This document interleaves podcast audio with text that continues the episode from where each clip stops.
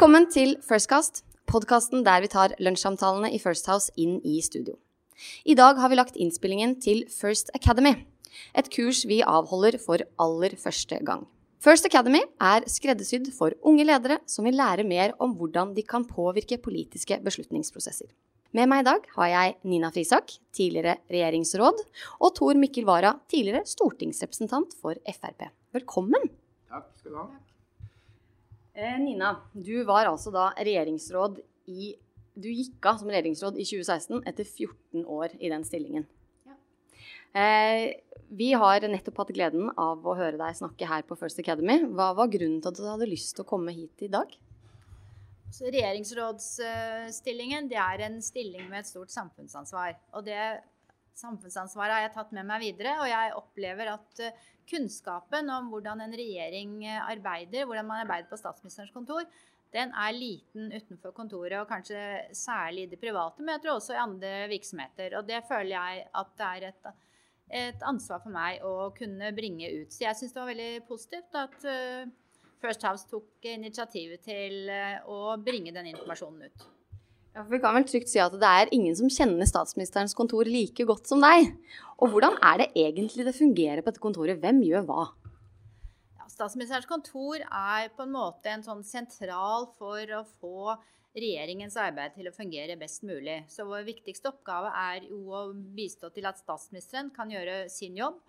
Uh, alt som skjer i Norge og internasjonalt. Og så er det å legge til rette for regjeringens arbeid og ha ansvar for uh, gjennomføring og oppfølging av regjeringskonferanser. Hva er den aller morsomste oppgaven? Jeg tror det er vanskelig å si hva som er morsomt. Det er rett og slett morsomt å være på statsministerens kontor. Det er der man eh, får en total oversikt over hvordan hele AS Norge styres. Tor Mikkel, har du noen tanker om hvordan kommunikasjonen mellom statsministerens kontor og statsministeren egentlig fungerer? Hva er din oppfatning av det? Nei, jeg tenker at det fungerer sånn som, sånn det, Jeg tenker at det er to jobber uh, byråkratiet har. Det ene er å sørge for at formalet er orden. Dette er jo tross alt uh, seriøse ting, så ting må ha skjedd på riktig måte, på riktig rekkefølge.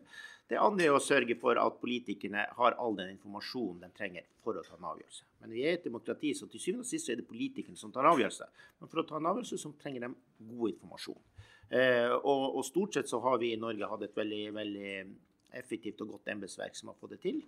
Eh, samtidig som vi har politiske prosesser som av og til går på siden og utenpå embetsverket. Det tror jeg også er viktig å huske på. Alt går ikke gjennom embetsverket. Eh, hva er det rareste du har opplevd eh, i løpet av de 14 årene? Nina?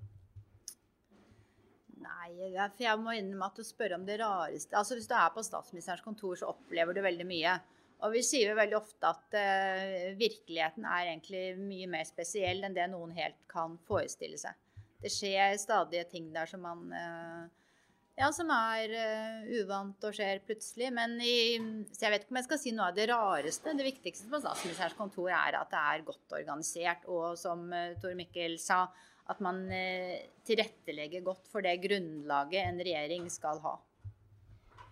Men hvor er det på en måte egentlig makten ligger? Vil du si den ligger hos eh, embetsmenn, eller ligger den hos politikere? Altså jeg mener veldig klart at makten i Norge ligger hos politikere. Og at vi har et demokrati, og at det gjør det. At embetsverket er lojalt, og de følger eh, Alle embetsverk har kunnet alle regjeringsplattformer veldig godt, tror jeg, like godt som politikerne. Og de sørger for at regjeringen får grunnlaget for å treffe de politiske avgjørelsene, som da treffes av statsråd i enkelte departement, de treffes av regjeringen, og til syvende og sist også Stortinget. Du var litt inne på dette i, i starten, eh, men du har tidligere sagt at du er overrasket over hvor lite kunnskap næringslivet har om politikk. Hva, hva, er den største overraskelsen? Jeg vet ikke om jeg skal si det er noe som er den største overraskelsen, men jeg tror det er litt vanskelig å skjønne hvis ikke du har vært innenfor systemet. Hvordan treffes faktisk avgjørelser i et regjeringsapparat?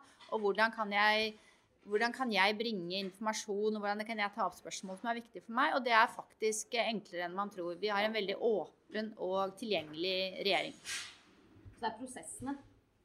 Jeg tenker det er viktig å kunne prosessen. Ja, du må vite når du skal påvirke. Man begynner f.eks. tidlig å lage budsjetter.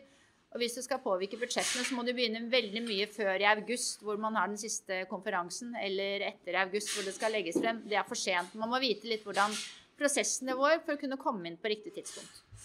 Så Mikkel, du som jobber så mye med næringsliv til daglig, er du enig i analysen? Ja, da, det, det mener jeg. Jeg tenker at uh, det er ikke det at næringslivet er uopplyst eller dum, men det er klart at de fleste lærer politikk gjennom uh, media og aviser og nyhet, så nå er jeg liksom litt slem med dem. Men det er klart at det gir av og til et litt fortegna bilde av hva politikk egentlig er. Fordi at media har bare plass til noen få ting, og det blir så mye spill, og noen ganger litt spektakulært. Mens det er et stort, stort maskineri apparat som ligger bak demokratiet, som fatter beslutninger, utreder og jobber. Og, og den bildet gir man kanskje sjelden. og Derfor er det sånn at det, det, det, er helt naturlig at veldig mange som jobber i næringslivet, eh, kan lite. fordi det er jo egentlig ingen som driver og forteller dem hva som egentlig skjer. Eh, media forteller i et bilde som er, som er morsomt og interessant, men som ikke er hele bildet. Så media må også ta noe av ansvaret for, for dette, da? Ja, det var mer sånn, eh, det var mer for å gi en unnskyldning til disse i næringslivet som av og til ikke kan så, så, mye om det. Men det er helt opplagt at hvis næringslivet hadde kunnet mer om politikk, forstått mer politikk, så ville næringslivet fatta bedre beslutninger. Men det gjelder også omvendt. Hvis politikerne hadde kunnet mer om næringslivet, så ville politikerne fatta bedre beslutninger. Sånn at dette er jo en, altså Kunnskap er et, et gode, uansett hvem som mottar den eller får den. De som er på First Academy i dag, de er unge ledere. Eh, ser du noen forskjell på generasjonene i forhold til kunnskap om næringslivet? Nina?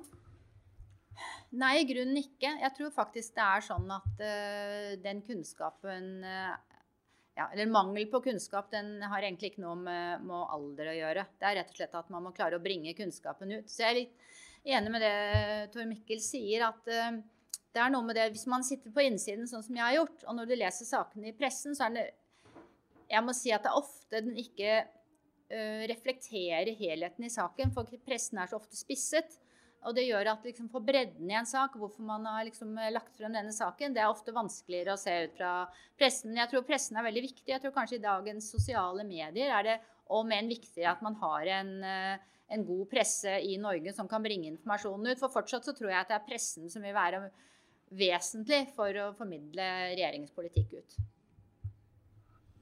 Jeg tror det var alt vi rakk eh, i dag. Tusen takk for at dere kom. Tusen takk for at du hørte på deg hjemme, og husk at du kan abonnere på podkasten vår i iTunes eller Android. Og husk å følge First House på LinkedIn eller på vår egen nettside. Mitt navn er Iven Oppsal. Vi høres.